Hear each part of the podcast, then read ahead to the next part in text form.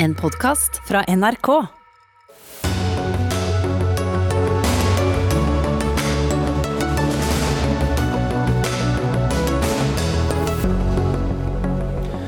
Senterpartiet sier ja til å ha med SV i sonderinger. De tre rød-grønne møtes torsdag på Hurdalssjøen hotell utenfor Oslo.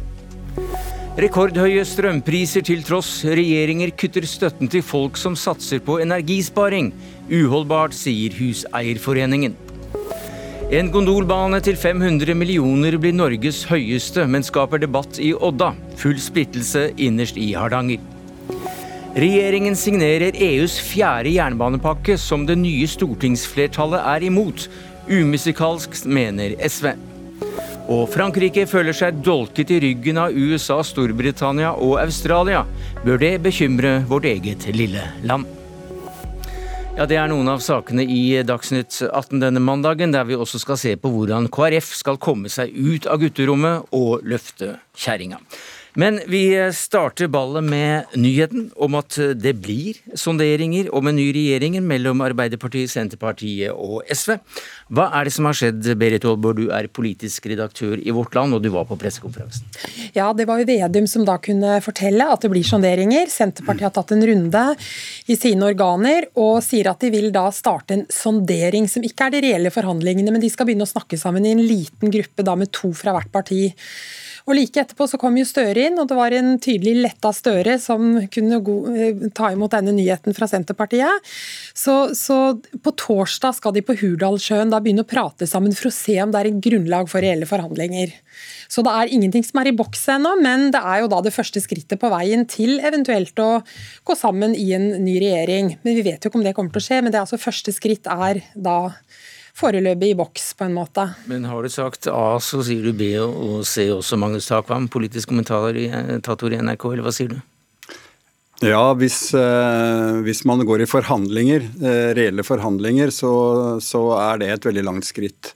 Eh, jeg tror det er litt tidlig å eh, konkludere med at dette med, med, nødvendighet fører til en eh, plattform for en flertallsregjering.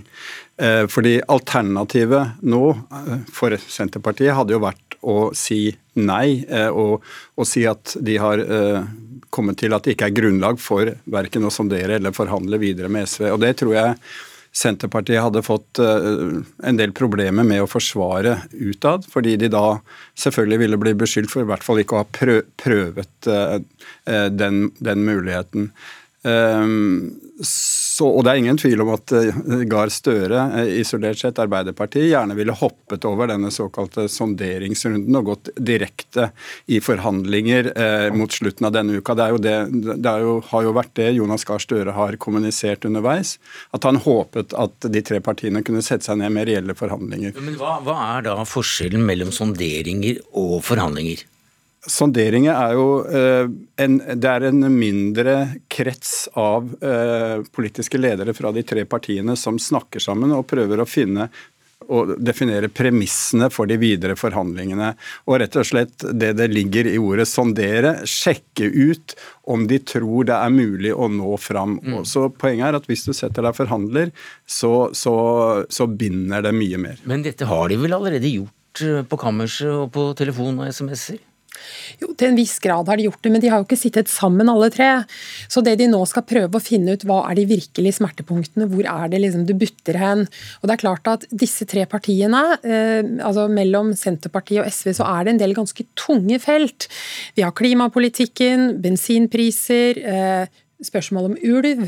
Eh, og f.eks. også dette med at det nå er lagt på bordet fra den avtroppende regjeringa at man skal ha mange store nasjonalparker. Det kan høres ut som ukomplisert, eh, en ukomplisert sak, men her du, får du da bønder og, og, og grunneiere inn som, som, SV ønsker å verne mye. Senterpartiet ønsker ikke det på samme måte. Så det er denne typen saker som man må sondere og man kan greie å snakke om og se for seg en, eller annen form for måte å snakke rundt etterpå som man kan bli enige om. Men så hørte vi Takvam her si at eh, Senterpartiet kan hende gjør dette her for å ha ryggen fri og kunne bryte disse sonderingene og si at det gikk ikke, men vi var villige, vi.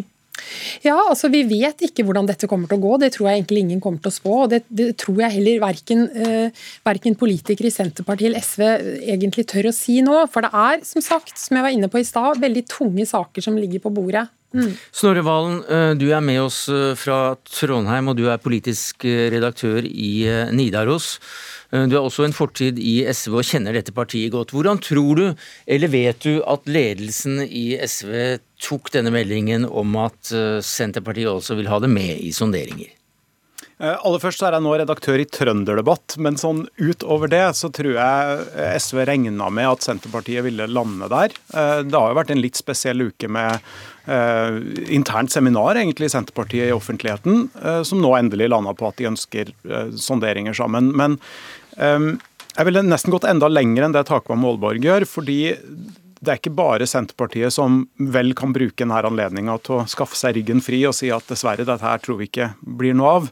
Saken er jo den at det egentlig bare er Jonas Gahr Støre akkurat nå som har alt å vinne på en en flertallsregjering og en trepartiregjering, og verken Senterpartiet eller SV har noe særlig å vinne på å gi særlig mye i de her første rundene. Så sjøl om det bare omtales som sonderinger, og, og sjøl om det er en sånn preliminær forhandling, for å bruke pent språk, så, så, vil det nok gå ganske tøft for seg allerede i sonderingene, fordi avstanden på enkelte saker er ganske stor. Vi hørte Aalborg var, var innom det, også smertegrensene. Hva er det SV har med seg av av, av smerte inn i disse forhandlingene?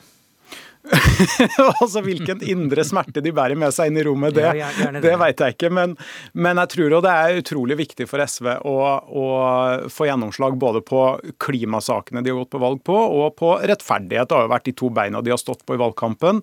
De vedtok en erklæring på landsmøtet sitt i vår der de slo veldig tydelig fast at forskjellene må ned og klimagassutslippene må ned. På den ene sida er det ganske tøffe krav, for begge deler er vanskelig å få til. Men på den annen side så er det òg rom for forhandlinger der. Fordi eh, SV i denne runden her virker mindre opptatt av akkurat hvordan man f.eks. oppnår utslippskutt, eh, så lenge man får til en plan som man veit fungerer.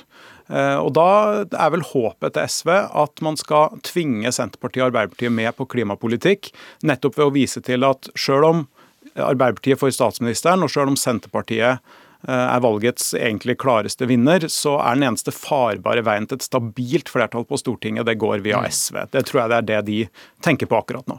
Uh, Berit Aalborg, vi ba jo deg komme hit uh, opp i Dagsnytt 18 i dag, lenge før denne nyheten sprakk, uh, rett før klokka var fem sent i, sent i ettermiddag. og noen reagerer kanskje på hvorfor vi har bedt en politisk redaktør i Vårt Land sitte og snakke om, om Senterpartiet. men du skrev da altså en veldig interessant artikkel der du også tegner opp det bildet av situasjonen, det, det indre situasjonen i Senterpartiet. Altså hvilke motkrefter som faktisk er der mot å ta med, ta med SV inn i regjering. Mm. For det første så skriver Vårt Land mye om Senterpartiet. Jo, jo, men det er så, et annet ja, parti som står tradisjonelt det kan du si. den avisen. Nei, altså Det som jeg prøvde å tegne dette bildet, er at det på en måte er litt tredelt. Du har disse som er relativt høyreorienterte, og som i hvert fall ønsker å klippe båndene til et rød-grønt samarbeid. Eh, og Borten Moe har jo, jeg vil ikke nødvendigvis si at han er høyreorientert, men han har vært skeptisk til samarbeidet med SV. Og så har du da på en måte de på andre sida som er veldig tydelig rød-grønne, som ønsker et samarbeid samarbeid med de, rød, altså med de to, rød, de to røde partiene i den rød-grønne koalisjonen. Og så har du da på en måte Vedum og Arnstad som står i midten, som har prøvd å lage et slags kompromiss. ikke sant? Der hvor, de, der, hvor de, der hvor de, har sagt at det er SV, det er Sp, Ap som er fellesprosjektet, og da har de ikke villet samarbeide med, med, med, med, SV. Og det jeg på en måte prøvde å si er at Det er ikke noe spill for galleriet at dette er vanskelig for Senterpartiet, for det er mange tunge saker, som jeg var litt inne på i stad, som gjør at det er krevende for Senterpartiet, særlig på en del vern, vernesaker som blir veldig mm. tunge. Og jeg, bare, bare, for å si en ting til. Jeg fulgte som, som journalist eh, denne saken med verning av Trillemarka for mange år siden. Det var den forrige rød-grønne regjeringa. Det var et veldig stort tap for Senterpartiet at et så stort område ble verna, og at bønder og grunneiere de sto mm. jo og ropte 'møkkamann' til Erik Solheim fra SV som kom opp som hadde vunnet denne saken. Det var en veldig stor smerte, en veldig vanskelig sak. Men har Borten Moe stor, stor støtte da i, i trøndergruppa? Altså, vi vet jo at uh, Olav den hellige og Siv Liv Signe Navarsete gikk på en smell når det gjaldt akkurat trønderbenken. Men uh, Nei, altså, jeg, jeg, skal ikke si at Borten Moe vil samarbeide til Høyre, men han har jo vært veldig skeptisk til SV-samarbeidet. Det er vel det som har vært viktig. Har han støtte i partiet? Ja, altså, jeg tror det er en god del i, i Senterpartiet som går mye lenger enn Borten Moe, som på en måte er med på denne partilinja. Uh, men, men, uh, men uh, det er en god del på trønderbenken og andre steder i landet som har et veldig tydelig borgerlig tilsnitt i Senterpartiet. Og de samarbeider lokalt også både med Høyre og Venstre og Fremskrittspartiet mange steder i landet. Og det er disse folkene som er veldig skeptiske til å samarbeide med rød side. Snorre Valen, hvordan går dette? Nei, Det er jeg like spent på som alle andre. Eh, ja, hva tror du, da? Du, du er litt mer kvalifisert enn eh, mange andre. Jeg, jeg, jeg, tør ikke gjette på om det ender med noe trepartiregjering. og Grunnen til det er fordi vi skal huske at den forrige rød-grønne regjeringa endte veldig smertefullt for både SV og Senterpartiet. Altså Begge endte opp med å gå i lange tider etterpå under sperregrensa. Og den forrige rød-grønne regjeringa hadde en samarbeidsform som gikk ut på at de to partiene måtte slåss veldig mye med hverandre. og jeg tror er det én ting vi kan være sikre på nå, så er det at både SV og Senterpartiet går inn i de forhandlingene her med betydelig varsomhet og, og med øh, øh, Ja, de er veldig opptatt av å ikke gjenta feilene mm. de begge gjorde i 2005 og 2009. Og ops, du sa forhandlinger og ikke sonderinger. Da må vi skille veldig klart her. Så ja, så lenge det varer. Du, øh, Magnus Takvam, når er det vi kan få en avklaring på, på denne første runden? Den eh, endelige avklaringen sa Støre må skje rundt statsbudsjettframleggelsen. Det er 12. oktober. Så eh, de må jo i hvert fall jeg har inntrykk av at han, de prøver å skal vi si, sondere fra torsdag, kanskje gjennom helgen og en dag eller to til, og så må de sette seg ned, eventuelt eh, to partier eller tre partier, og forhandle videre. Og jeg er enig i at det er helt åpent hva som kommer til å skje. Det er ikke vanskelig å finne punkter her som man kan bryte på med en gang. Så det, det forutsetter en ganske stor politisk vilje og smidighet fra alle parter her for å få det til man kan si nå at en del av presset kanskje er flyttet over på SV. For det er de som kanskje må sette grenser for hva de kan gå med på. Det er større, eh, større samklang mellom Senterpartiet og Arbeiderpartiet på en del viktige områder enn SV. Takk skal du ha, Magnus Akvam, politisk kommentator i NRK. Berit Aalborg, politisk redaktør i Vårt Land. Og til deg, Snorre Valen, politisk redaktør i Trønderdebatt.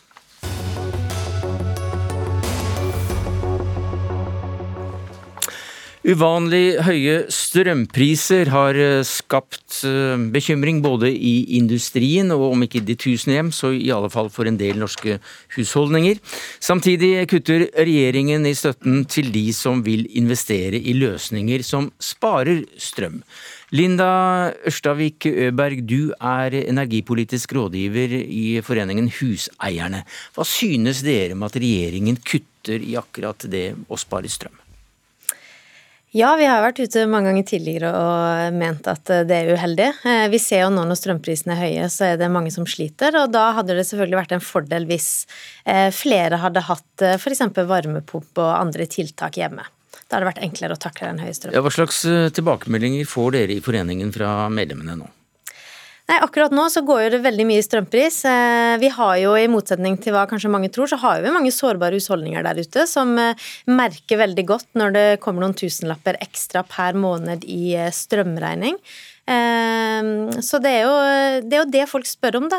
Hva kan jeg gjøre for å få ned det totale strømforbruket? Ja, det er bl.a. å spare strøm ved å investere i varmepumper etc. Statssekretær Tonje Christian Tiller i Olje- og energidepartementet. Men dere kutter altså i denne støtten. Hvorfor er det så lurt?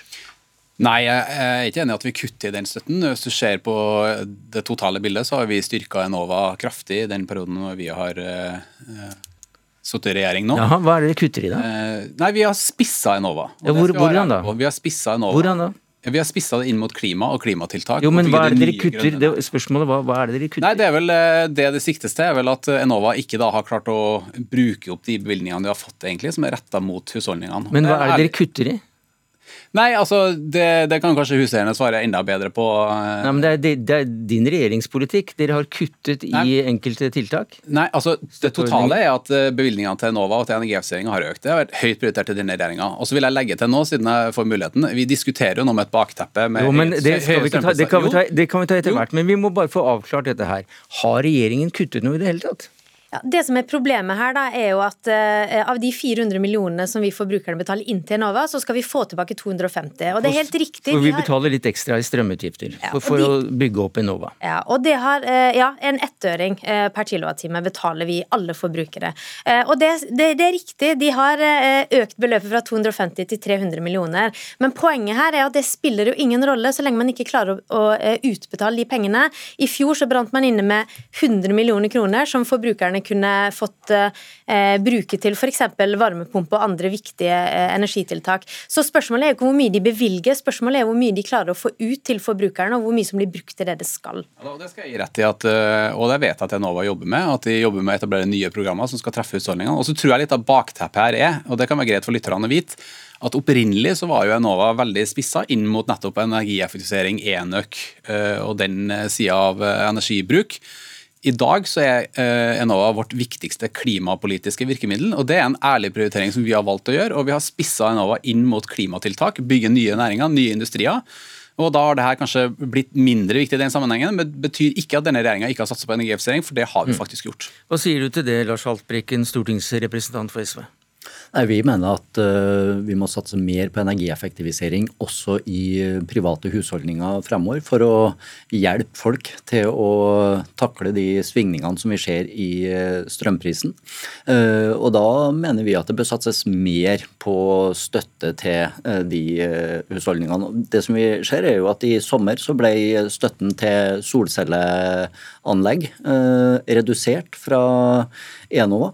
og Det gjør at det bygges færre solcelleanlegg i Norge i dag enn uh, i fjor. Og Norge er faktisk det eneste landet i Europa også uh, som har opplevd en nedgang mm. i solcelleutbygginga ja, fra 2020 til 2021. Jo, eh, altså du må huske på at veldig mange av de energieffektiviseringstiltakene man kan gjøre i sin egen bolig, det kan også være ganske kostbart. og Jeg er ikke så sikker på at det nødvendigvis er mangel på støtte som, som, er barrieren for mange. Det er veldig dyrt å investere i f.eks. Eh, solenergi på tak, eller du må begynne å gjøre store inngrep i bygg som nye vinduer, isolasjon osv. Så, videre, og så, så, eh, så er jeg bekymra for at eh, det er jo en bakside der, at hvis du øker prioriteringen på det, så kan det jo hende at de som ender opp med å få glede av det, det er de som har best økonomi og som har de største husene. og, at du egentlig bidrar til at folk får pussa opp huset sitt, og så en fin ekstra gevinst. Men og Derfor så har vi foreslått også at du bør gå inn og se på om du ikke kan ha egne program retta inn mot familier med øh, dårlig råd, inn mot øh, sameier og borettslag. I en bygård så kan det være vanskeligere å få gjennomført enøktiltak enn i en villa, for du har flere beslutningstagere. Da bør du kanskje ha egne program som satser nettopp på disse områdene, for å også få med dem og hjelpe dem til å der, spare på strøm. Der har vi gjort en del grep. Jeg tviler på at lytterne har hørt om plusskundeordninga, men i hvert fall endra den, som gjør at eh, jo, nå kan borettslag eh, ta del i de ordningene her bedre enn de har gjort før. Der har vi lytta til huseierne og andre og gjort endringer som gjør at eh, nå legger vi mer til rette for at borettslag kan investere i solkraft på tak, f.eks. Og det vi ser, er jo at uh, både næringsliv og uh, borettslag og husholdninger i større og større grad tar i bruk f.eks. fjernvarmeløsninger, varmepumper osv. Så, videre. så det bildet her er ikke så eh, svart-hvitt som man kan få inntrykk av. Og realiteten er at vi bruker jo stadig mer kraft i Norge, men vi bruker egentlig mindre per hode. Så intensiteten går ned, men likevel så, så vi har økt velstand. Vi har fått elbiler, vi skal elektrifisere industrien osv. Så, videre. så her henger alt sammen med alt. Øberg, er det virkelig statens oppgave å spytte penger i veldig dyre enøkløsninger for eh, huseiere som har eh, nok penger? Eh, det som ofte preger denne diskusjonen, her er et inntrykk av at staten subsidierer forbrukerne. Men det er jo motsatt. Vi betaler jo inn denne ettøringen over strømregningen. Og de pengene de var ment å gå til enøktiltak i husholdningene. I nye Enova-avtale så har man fjerna det, og så har man gjort det litt mer ullent. At det skal gå til gode klimatiltak, men ikke spesifikt enøktiltak. Og det vi ser nå, er at det blir stadig vanskeligere å få støtte til de tiltakene som folk flest gjør. Og det er små ting. Det er vinduer, det er etterisolering, det er varmepumper. Det får man ingen støtte til. Og så kan man diskutere om det å støtte en helhetlig oppgradering av bygningskroppen er bra. Det er fantastisk, men ytterst få har råd til det. Ja, jeg synes i hvert fall at eh, Vi er jo enige om målet her. Jo, men Hva sier du til Nei, at det, er akkurat der, jo, der det gjelder for de som ikke har så god råd, kanskje? Altså, ja. tiltakene, Noen lister her og et nytt vindu der? Ja, da, det, er klart at det er kostbare tiltak. og Det er nettopp derfor jeg ytra den bekymringa om at det er kanskje de som har best økonomi, og som skal pusse opp en villa eller en større husholdning, som, har, som er best, eh, i best posisjon til å få utnytta de midlene. Vi må sørge for at det er treffsikkert, i alle fall. Nå har vi, som også ble sagt fra huseierne, økt denne ramma i Enova til 300 millioner kroner. Og så vet jeg at de jobber nå med nye programmer for å treffe husholdningene. Men jeg står veldig godt i den prioriteringa vi har gjort, og som jeg nevnte tidligere, at vi har spissa Enova som et klimapolitisk virkemiddel. Vi ligger an til i år å betale ut mindre enn halvparten av det som øh, strømkundene private husholdninger har eh, bidratt med penger inn til Enova. Det har gått ned de siste to-tre årene det Enova gir tilbake til eh, forbrukerne. Så skal man selvfølgelig passe på at energieffektivisering ikke bare blir for dem som har best råd. Derfor er vi nødt til å få en større satsing, også retta inn mot uh, familier med dårlig råd. Og vi skal huske på at Energieffektivisering er kanskje det viktigste klimatiltaket vi kan eh, bruke. Eh, hvis vi reduserer strømforbruket hjem, en ting er at du får ei lavere strømregning, men du bidrar også til å frigjøre strøm som vi kan bruke til elektrifisering av samfunnet. Til å drive elbilene eller eh, andre ting. Men da blir jo spørsmålet, Haltbrekken, hvordan vil huseiere og industrien merke at det er statsråd Haltbrekken og SV som sitter og bestemmer dette her om en måneds tid? Ja, alle de tre rød-grønne partiene, eh, både SV, Senterpartiet og Arbeiderpartiet, sto sammen om en rekke forslag eh, i klimameldinga som går på å styrke innsatsen mot energieffektivisering i eh, private husholdninger. Takk skal du ha, Lars Halbrekken fra SV, Linda Ørstavik Øberg i Foreningen Huseierne og til statssekretær i Olje- og energidepartementet enn så lenge. Tony Christian Tilli, takk skal du ha.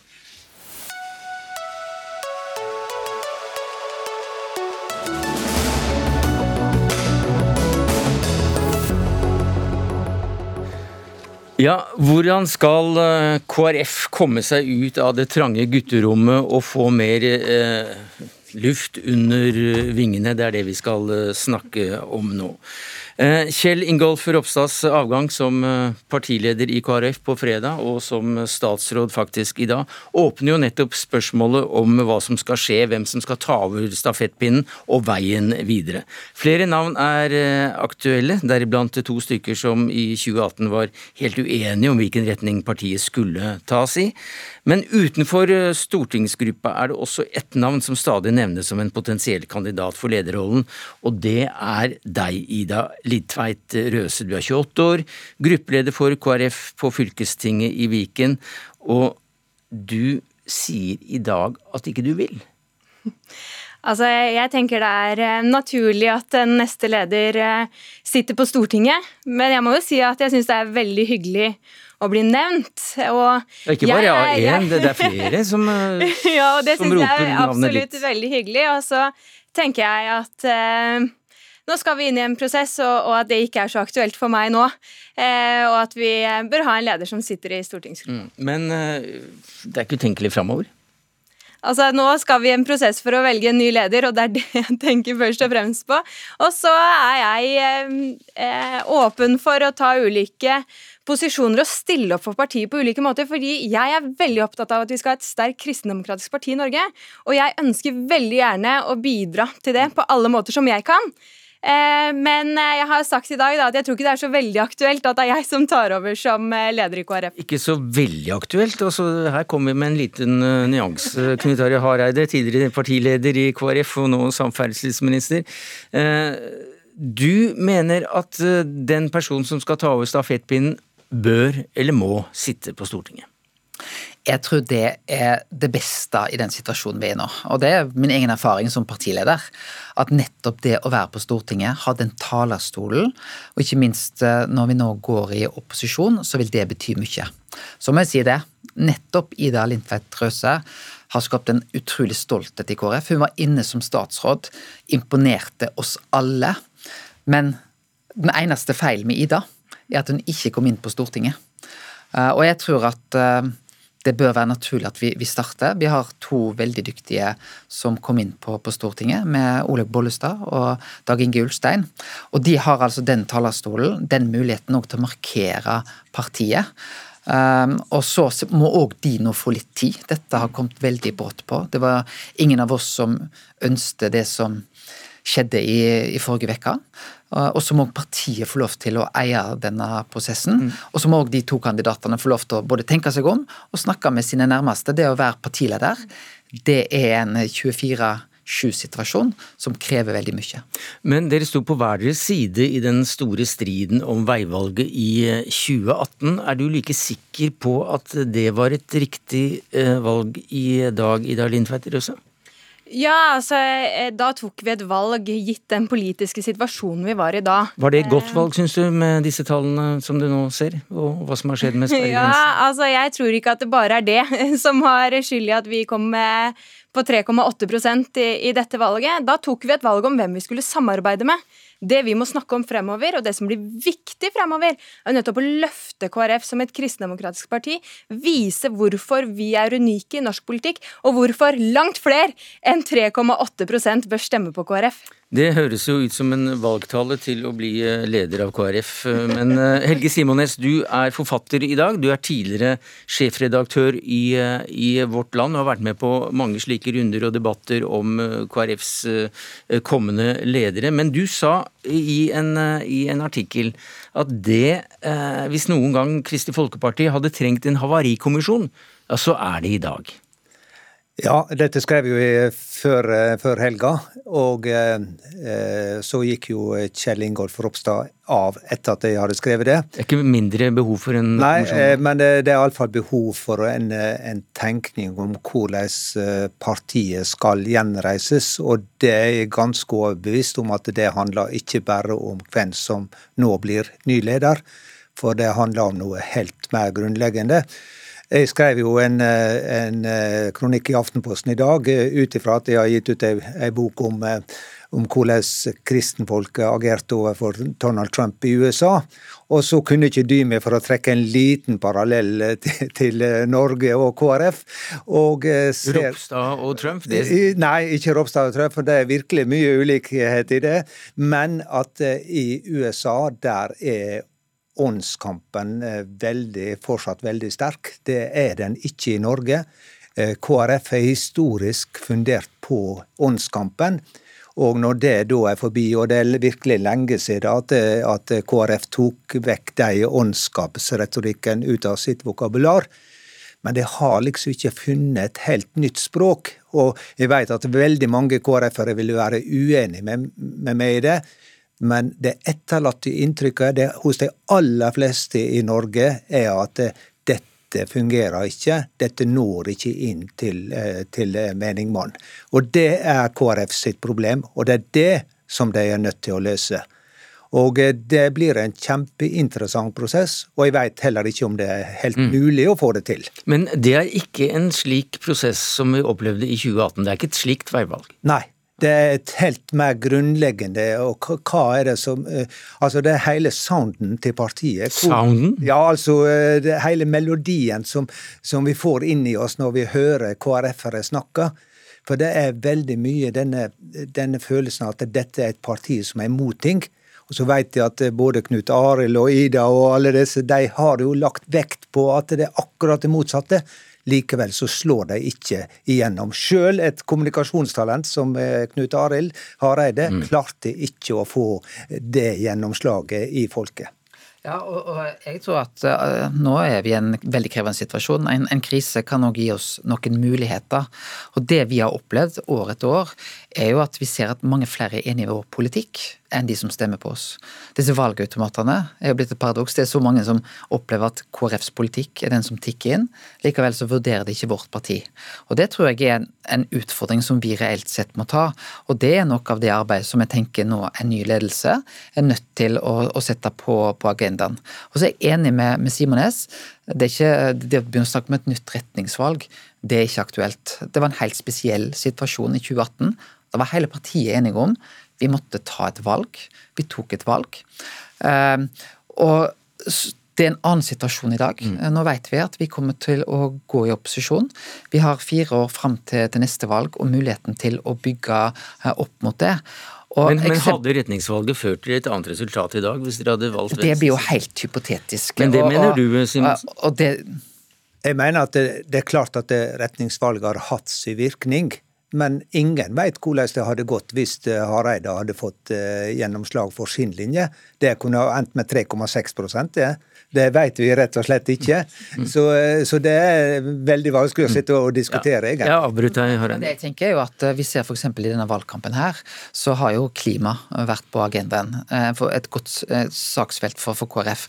Men ta det internasjonale. altså fattigdom fattigdom, som er sammen med klima verdens to store utfordringer, har nesten ikke vært til stede i den norske valgkampen. Det vet vi er et område der KrF har stor troverdighet og muligheten til å, til å nå ut.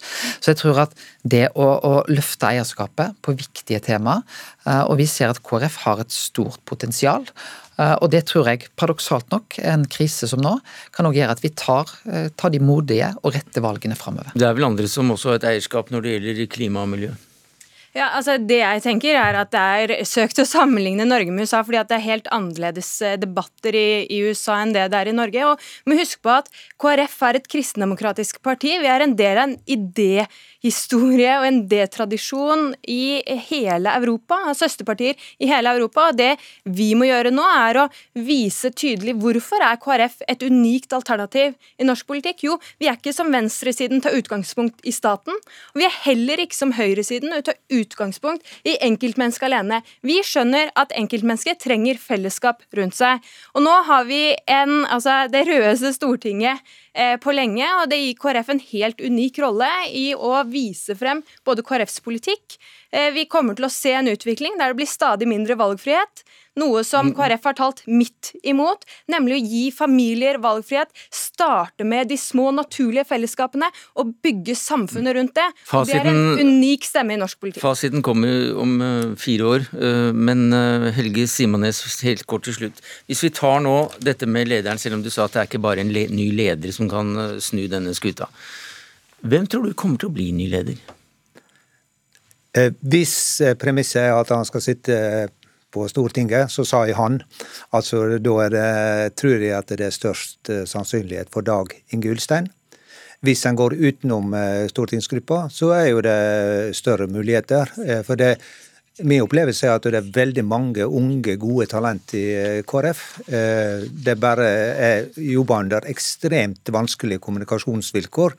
Og Ida, som, jeg mener at det virkelig er forskjell på USA og, og, og Norge. Det er det som er poenget det har ikke den mobiliserende kraften som ligger i den åndskamptenkninga som eh, USA har. De har noe annet de må finne og kommunisere. Det er lenge siden KrF ja, det, ja, men det er nettopp det jeg har sagt. Det er lenge siden. Men du er nødt til å finne noe annet å komme med som er mobilisere. Mobilisere for partiet, og det har ikke de klart. Takk skal du ha, Helge Simnes, tidligere sjefredaktør i Vårt Land. Til deg, Ida Lindtvedt Røse, gruppeleder i Viken for partiet, og Knut Arild Hareide, tidligere partileder. Jeg må nesten be deg bli sittende, fordi vi skal til en annen sak der du har uh, en uh, Ja, du spiller en vesentlig uh, rolle.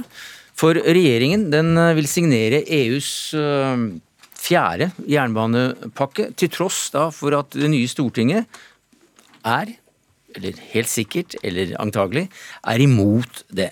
I juni vedtok det utgående Stortinget med knapt flertall at Norge skal legge norsk jernbane inn i EUs fjerde jernbanepakke. Og det innebærer at alt av varer og tjenester til jernbanen skal legges ut på anbud. Arne Nævra, du er ehm, stortingsrepresentant for SV i transport- og kommunikasjonskomiteen. Hva er galt med at regjeringen gjennomfører et vedtak Stortinget faktisk har gått inn for? Det er ikke noe gærent juridisk, konstitusjonelt. Hareide kan godt gjøre det. Regjeringa kan gjøre det. Han har allerede gjort det, så det er greit. Poenget er at dette her skal opp, eh, tvinges igjennom eh, i et, situasjon hvor regjeringa nærmest er et forretningsministerium før et nytt flertall tar over. Og det er et, eh, Jeg sa det før stortingsvalget, at i beste fall så er det umusikalsk at det blir tvinga igjennom et vedtak i EØS-komiteen med knappest mulig flertall. I verste fall så er det provokatorisk at dette her blir gjort. Og så kommer valget, hvor det kommer et klart signal fra folket om at uh, kanskje er dette her med privatisering, dette med som har skjedd rundt alt dette her med jernbanereformen osv., noe som folk er imot. Og de har sagt det ved et valg. Kanskje betydde det ganske mye for folk når de bestemte i, ved stortingsvalget. Og så skal dette tvinges igjennom, og da mener jeg da er det på en måte den siste rest av tannkrema i den berømte tuben som skal klemmes ut. Eh, om dette er så umusikalsk, det er vel heller at den eh, sangen jeg synger og den melodien vi har, den liker ikke Arne Nævra så, så, veldig godt. Eh, og det er for så vidt en ærlig sak. Men dette er en sak som vi har jobba med. Vedtak ble gjort i juni. Og fra Norges side så hadde vi egentlig alt klart til at dette skulle gå i EØS-komiteen i juli. Så var det andre land enn Norge som påvirka at ikke det skjedde eh, i juli. Så vet vi heller ikke hvordan det går i, i neste uke. Eh, på samme måte som ved møtet i juli, så har vi sagt at alt er klart fra Norges side. Det er ikke sikkert at alt havner i orden, det vet vi ikke. Vi har ikke fått en godkjennelse fra EU. Så det kan godt være at dette òg er en sak som, som havner på en ny regjerings... Jo, jo, men, men, når det gjelder hva du har gått inn for, så har du også da gått inn så langt eh, som har stått i din makt å få dette her igjennom. Og det er vel det da som er ja, umusikalsk ifølge SV? Ja, både før valget og nå etter valget så står vi for det samme. Og fordi at det ville faktisk vært mer spesielt hvis jeg hadde stoppa den saken. Og det kan jeg òg si. Eh, dette er en sak som jeg naturlig nok har diskutert med mitt eh, dyktige embetsverk. Deres faglige råd er at den bør kunne gå.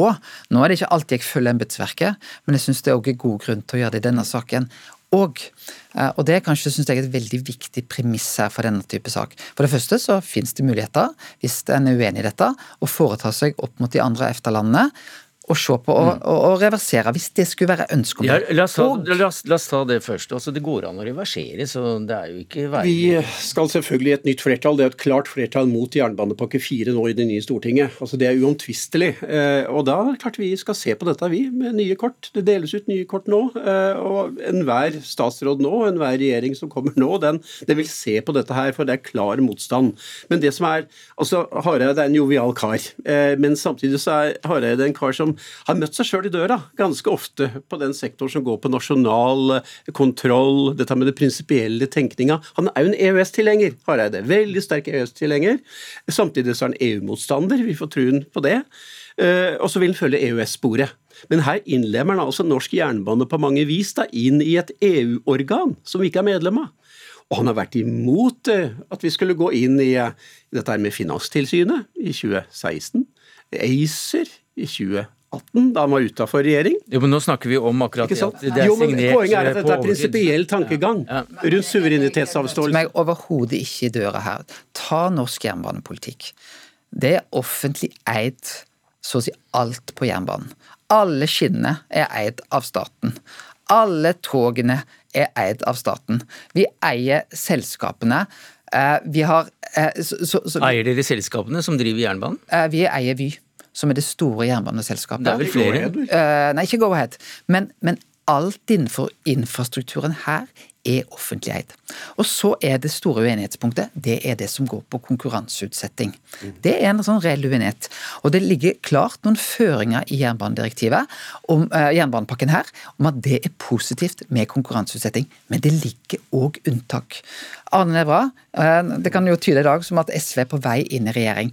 Hvis dere velger så har dere sjøl med jernbanepakke 4 i orden, eh, på plass, så kan dere velge å ikke konkurranseutsette de neste strekningene. Så, så, som, som ny samferdselsstatsråd så, Som ny stats, statsråd for samferdsel eh, neste måned, så vil du da gå rett inn og så krysse ut eh, akkurat Så sant eh, SV kan få gjort det, så vil vi gjøre det. Og vi vil påvirke våre samarbeidspartnere på nei, det. Nei, fordi at jeg, jeg, gir meg ikke helt med dette her med fingerspitzgefühl eller umusikalitet, uansett hvilken melodi du har i hodet, Hareide. For det står også i regjering.no hva er et forretningsministerium?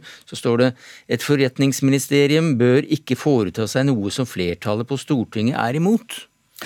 Nå har jeg lyst til å si, nå er ikke vi et forretningsministerium. Det blir vi først i det øyeblikket eh, det formelt er sånn at men, eh, men, det, ligner, det ligner ganske mye. Men selv om vi hadde vært et forretningsministerium, så kunne vi ha foretatt oss dette.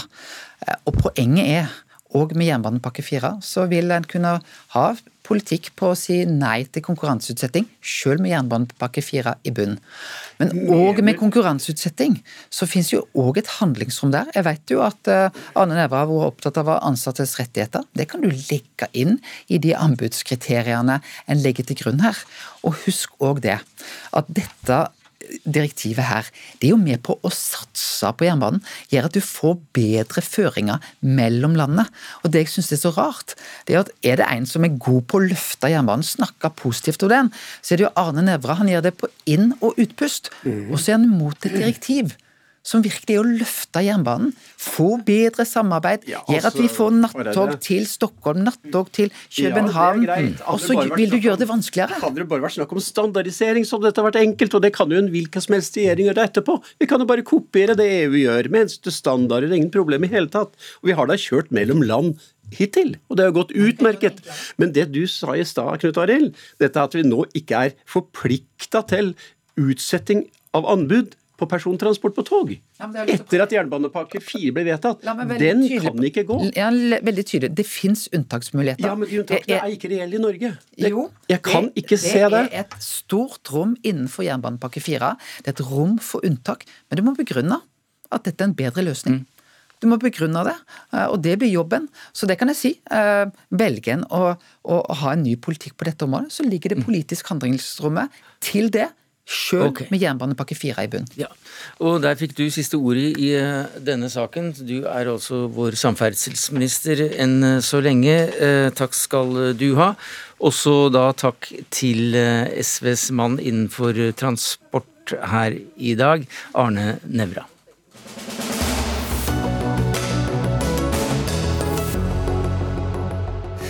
Odda kan få Norges største og Skandinavias høyeste gondolbane. Et prosjekt med en prislapp på rundt 500 millioner kroner vekker sterke følelser i det gamle industristedet innerst i Sørfjorden i Hardanger. Og der er du ordfører nå for Ullensvang, da, Roald Aga Haug. Eh, hvorfor ønsker dere å bygge en slik gondolbane? Nå holder vi på med en solid utgreiing på akkurat det, og har en konsekvensutredning på gang. Ja, Men spørsmålet var hvorfor ønsker du det?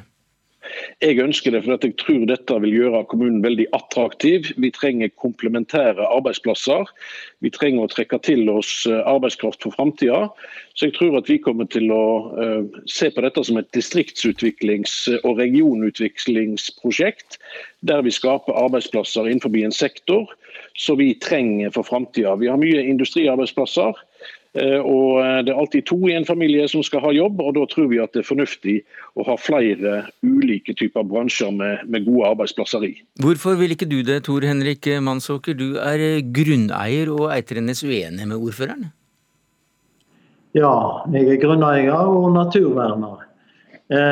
vi tror at dette her er å gå til angrep på et verdifullt naturområde, og det har ikke vi råd til lenger. Eh, Gamle Odda kommune, som nå er en del av Ullensvang kommune, har allerede store kraftutbygginger både i Skjeggedal og i Røldal-Valldalen. I tillegg så har vi hytteområder langs eh, hele kanten på Hardangervidda. Og vi har fått Trolltunga med en ganske tung turisme. Så vi trenger ikke å gå løs på et nytt urørt naturområde. Hva sier du, Haug? Ja, Nå er det ikke lenge siden Tor Henrik Mansåker og jeg sto skulder ved skulder for å flomsikre Odda med et annet kraftverk. Da. Så jeg tror eh, det at det en er litt ulike på hva prosjektet ønsker og ikke. Men eh, kommunen vår er jo helt avhengig av å nytte naturressursene som finnes lokalt. Både Tor Henrik Mansåker og meg. Men jeg har stor forståelse for at eh, en ikke ønsker en utbygging på det fjellet en er glad i. Men samtidig så, så, vil det være veldig gunstig for innbyggerne våre å ha muligheten til å nyte eh, kveldssola og eh, ta seg en tur opp i fjellet på sommerstid og vinterstid. Jeg tror det vil gjøre det veldig attraktivt å bo i Hardanger og i Ullensvang. Og jeg tror det vil gi mange gode arbeidsplasser for framtida. Ja, vi har mange veier i Ullensvang kommune som fører til fjells allerede. Det er også bygd vei halvveis opp til Trolltunga, nå kom opp i 900 000 meters høyde. Vi har vei over Røldalsfjellet. Vi har vei innover Valldalen. Så det er ikke noe problem for ordningene å komme seg til fjells eh, og nyte utsikt og sol. Men er du da redd for at det skal komme for mange opp i de sårbare eh, fjellområdene som, eh, som du er en del av eierne til? Ja, og eh, nå må vi understreke at selv om alle grunneierne i området er veldig imot dette, her, så er det mange i Ullensvang kommune som er friluftsinteresserte, som er jaktinteressert. Og det er veldig mange som reagerer på at vi skal eh, frakte opp 100 000-150 000 turister i dette området. Det vil jo sette et sterkt merke på naturen. Det vet jo alle som eh, ser hvordan masseturismen fungerer i, i slike områder. Så området vil bli ødelagt for de gruppene Eh, personer som jeg nevner nå. Men Haug, eh, hvor mange arbeidsplasser regner dere med at dette kan avstedkomme? Nøkterne analyser viser 100 arbeidsplasser direkte og 45 arbeidsplasser indirekte.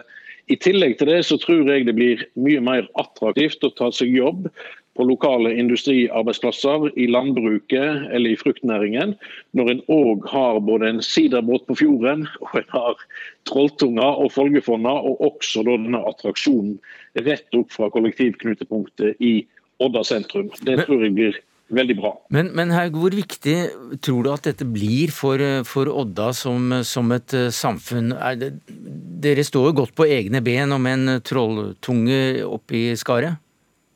Vi har nok et behov for å tiltrekke oss både innbyggere og arbeidskraft. Folketallet har gått nedover i Hardanger og i Ullensand kommune i mange tiår. Så vi trenger å, å, få noe som endrer på dette. Og uh, Dette prosjektet kan være én bit av det. Men vi har veldig mange andre spennende ting vi jobber med. Men det er klart at uh, å, uh, å, ha Skandinavias mest spektakulære pendelbane til fjells, som skal bygges bærekraftig, der vi skal ta hensyn til fauna og til reinsdyr og til dyreliv, det vil være veldig attraktivt. Men så er ikke det sikkert vi får det til. Det kan jo hende det dukker opp kunnskap i denne konsekvensutredningen som setter foten mm. ned. Og men men foreløpig så er det jo allerede investert en, en, god del penger for å utrede dette skikkelig. Og jeg forstår det slik at dette, dette selskapet det eier eh, kommunen 50% av. De andre eierne er, eh, er sterke kapitalkrefter, bl.a. Investorer, eh, investorer fra, fra Spotify. Eh, og hvorfor er det så viktig for kommunen å ha 50% her? Det er ikke viktig for kommunen i det hele tatt. Nei, vil, ikke det snarere, vil ikke det snarere tvert imot gjøre at behandlingen blir litt eh, ensidig, ved at eh, de som eier, altså kommunen, har interesser i eh, de vedtakene som kommunen skal gjøre? For det første så er det i hvert fall slik at De 2,1 millionene kommunene er med på i tidlig fase, de kommer til å bli sterkt utvatna. Sånn at kommunen kommer til å bli en minoritetseier. Men i dette prosjektet og i andre slike pendelbaneprosjekt, f.eks. I, i Loen, så er kommunene inne med, med større midler enn det som Ullensvang kommune er.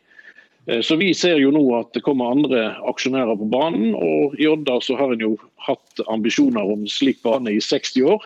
Nå eh, får vi i hvert fall en skikkelig test på om dette lar seg realisere. Redaktør i Hardanger Folkeblad, Eivind Dale Sjåstad. Eh, dere har mottatt mange lesebrev i denne saken. Hva er det det går på?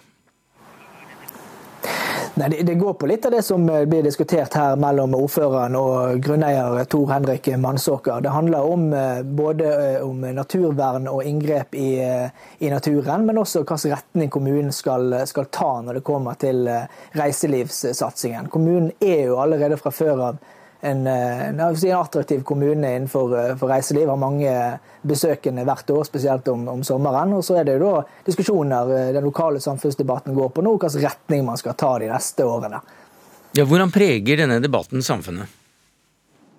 Ja, den, den, preger, den, preger, samfunnet i, i, veldig stor grad akkurat nå. Det er, det er ganske steile fronter Eh, i den eh, saken. Både politisk, eh, der partiene er splittet, og internt i partiene er man splittet. Og selvfølgelig har innbyggerne også delte meninger om, om dette.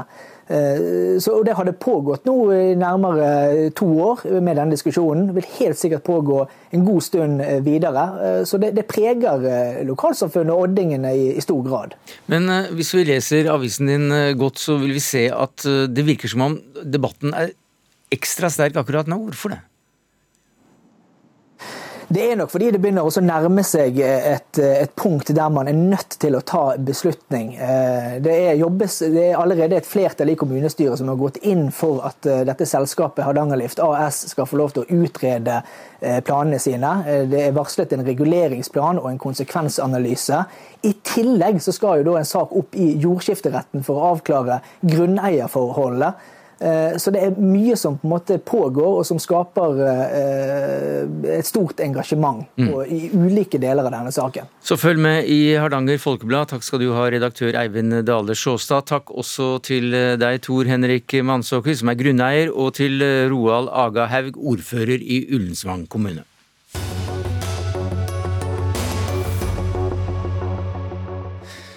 Ja, Frankrike føler seg dolket i ryggen av USA, Storbritannia og Australia. Eh, Frankrike har avlyst eh, forsvarsministermøte med eh, Storbritannia, og utenriksredaktør Sigurd Falkenberg Mikkelsen. Et Nato-land beskylder altså to andre for å dolke seg ryggen. Dårlig stemning, hvorfor det? Mer enn dårlig stemning. Det er virkelig krise, vil jeg si, i forholdet mellom to av de to viktigste sikkerhetspolitiske aktørene i Europa, Frankrike og Storbritannia. Eh, og mellom Frankrike og USA på den andre siden, og selvfølgelig også med Australia. Men for vårt nærområde så tenker jeg forholdet mellom Frankrike og Storbritannia kommer i veldig stor grad til å definere hvordan dette går videre. Men hva slags sak er dette? Altså, dette dreier seg da om samarbeid egentlig i Stillehavet. Og så er det to, eh, to saker her. Eh, det ene er en avtale Frankrike hadde med Australia om å produsere ubåter til en verdi av 643 milliarder norske kroner. Eh, som eh, brutalt ble avbrutt eh, fordi Australia i all hemmelighet hadde forhandlet med amerikanerne de siste 18 månedene om å heller gå til anskaffelse av atomdrevne ubåter fra USA en gang i framtiden. Men det franskmennene sier er at ok, dette, er, dette med pengene er bittert, men det som er alvorlig her, er Eh, det tillitsbruddet eh, og det har blitt ført bak lyset av både amerikanere, australiere og briter på denne måten, eh, i en region som Frankrike også står sterke. Frankrike er også en stor stillehavsnasjon og oppfatter dette som et, ja, mer enn et alvorlig tillitsbrudd, men rett og slett noe De har brukt så harde ord som jeg nesten aldri har hørt i internasjonalt diplomati om nære venner. Og Da er det vel mye som står på spill for partene, da, tidligere forsvarssjef Sverre Disen. Hva er det? Ja, det er jo ehm, som Falk Mikkelsen sier, det er jo pengene selvfølgelig, men så er det jo også det eh, såret fransk stolthet, kan man si. Eh, når de fortsatt betrakter seg som en, en global aktør og en stormakt. Eh, men for Australia så har det jo da vært viktig å få i land denne avtalen, som gir dem altså Forskjellen på en, en reaktordrevet eh, ubåt og en konvensjonell er jo at de plutselig er i en helt annen klasse når det gjelder både rekkevidde, utholdenhet og ikke minst våpenvirkning. Så for Australia så er dette å ta skrittet opp i en klasse med, som, som, en regional stormakt. Men uh, er dette et pek mot uh, en økt uh, spenning i, i, området, og også i Sør-Kina-havet, som jo ikke ligger så veldig langt unna? Det tror jeg ikke man kan si. Det er vel å, å forskuttere i hvert fall en utvikling som, som, det vil ta litt tid før materialiserer seg. Men, eh, men, det viser jo med all ønskelig tydelighet at amerikanerne mener altså alvor når de sier at de vil prioritere eh, Asia og Stillehavet og Kina fremfor eh, Europa. Det er ikke bare en, en, talemåte som de har brukt for å, å skremme europeerne til å, å, bruke mer penger på sin egen sikkerhet. Nå ser vi at det er alvorlig ment. Mm.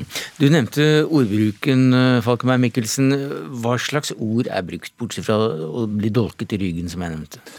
Altså, Franskmennene øh, øh, har jo sagt øh, nesten altså Særlig da forsvars, eller tidligere forsvarsminister, nåværende utenriksminister Jean-Yves Le Drian har jo gitt mange intervjuer på fransk TV. og budskapet er egentlig mer alvorlig enn såret fransk stolthet og, og, penger. Det handler om sånn behandler man ikke allierte. For det som har skjedd her, er jo at de har Franskmennene har jo forhandlet og forberedt dette prosjektet med Australia. Det er også en viktig del av den franske måten å se internasjonal politikk på. Det var, det var, dette var på en måte hjørnesteinen i deres stillehavspolitikk. Så det er et alvorlig strategisk tilbakeslag for Frankrike. Men det jeg tenker gjør situasjonen um, alvorlig også for hele det vestlige samarbeidet, er metodene som er brukt her. Eh, hvor eh, da én alliert er holdt helt utenfor forhandlingene i svært lang tid. Eh, franskmennene fikk ikke beskjed før før, de, før, lekkasjene kom i pressen, og da fikk de en telefon fra Australia. Sånn at det er metoden som er brukt, og det lover veldig veldig dårlig for vestlig samhold i, i tida som kommer. Ja, jeg tror jo også at uh, dette her uh, dreier seg om mer enn bare ubåter. Og, og, det er jo for så vidt også i avtalen en, uh, tatt inn en lang rekke forhold rundt etterretningssamarbeid og, og annet. Mm. Men, men, uansett, altså når vi ser på, som Mikkelsen her sier, metoden, altså måten Storbritannia og USA da tar den biten av, eh, av Frankrikes lenge eh, opparbeidede samarbeid med Australia. Den metoden, hva sier du til den? Nei, altså det er, det er, absolutt eh, egnet til å både forbause og forbløffe, egentlig. For det er klart eh, Det er åpenbart viktig for, for amerikanerne men eh, med å få en, en allianse med Australia. Men at de skal være villige til å gå så langt, det er allikevel en, en overraskelse. Og bør det, bør det bekymre norske beslutningstagere? Det bør i hvert fall fortelle oss at eh, som sagt, amerikanerne mener alvor når de sier at de vil prioritere eh, Asia og Stillehavet.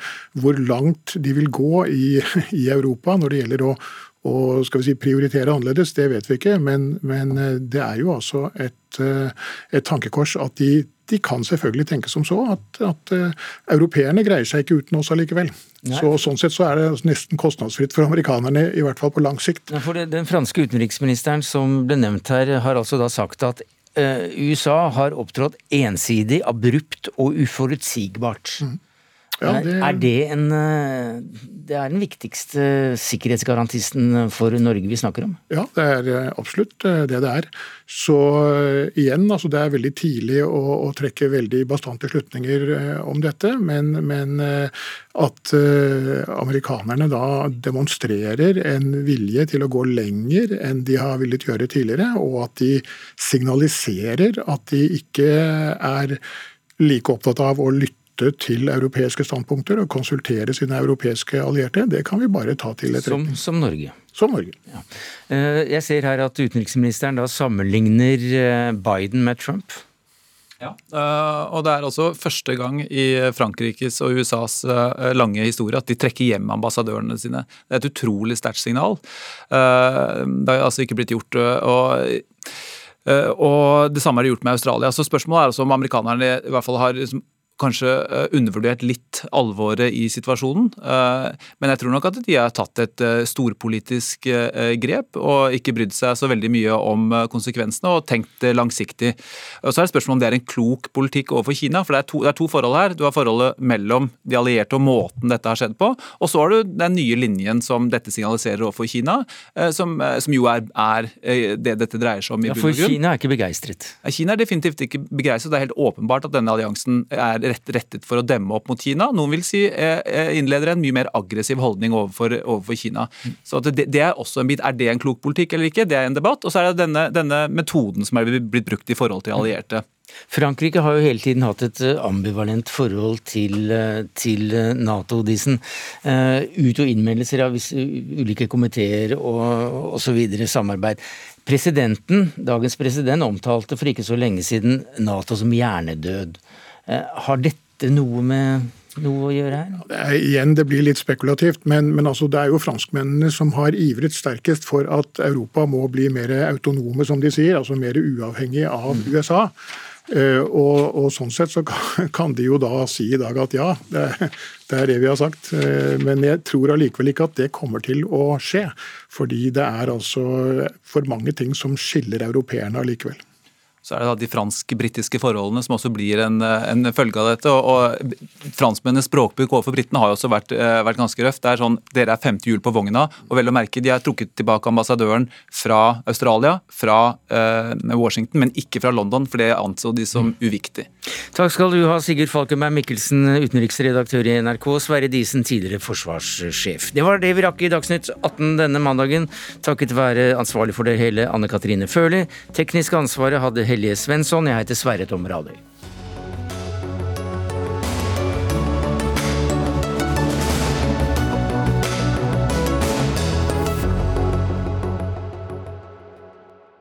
Du har hørt en podkast fra NRK. Hør flere podkaster og din NRK-kanal i appen NRK Radio.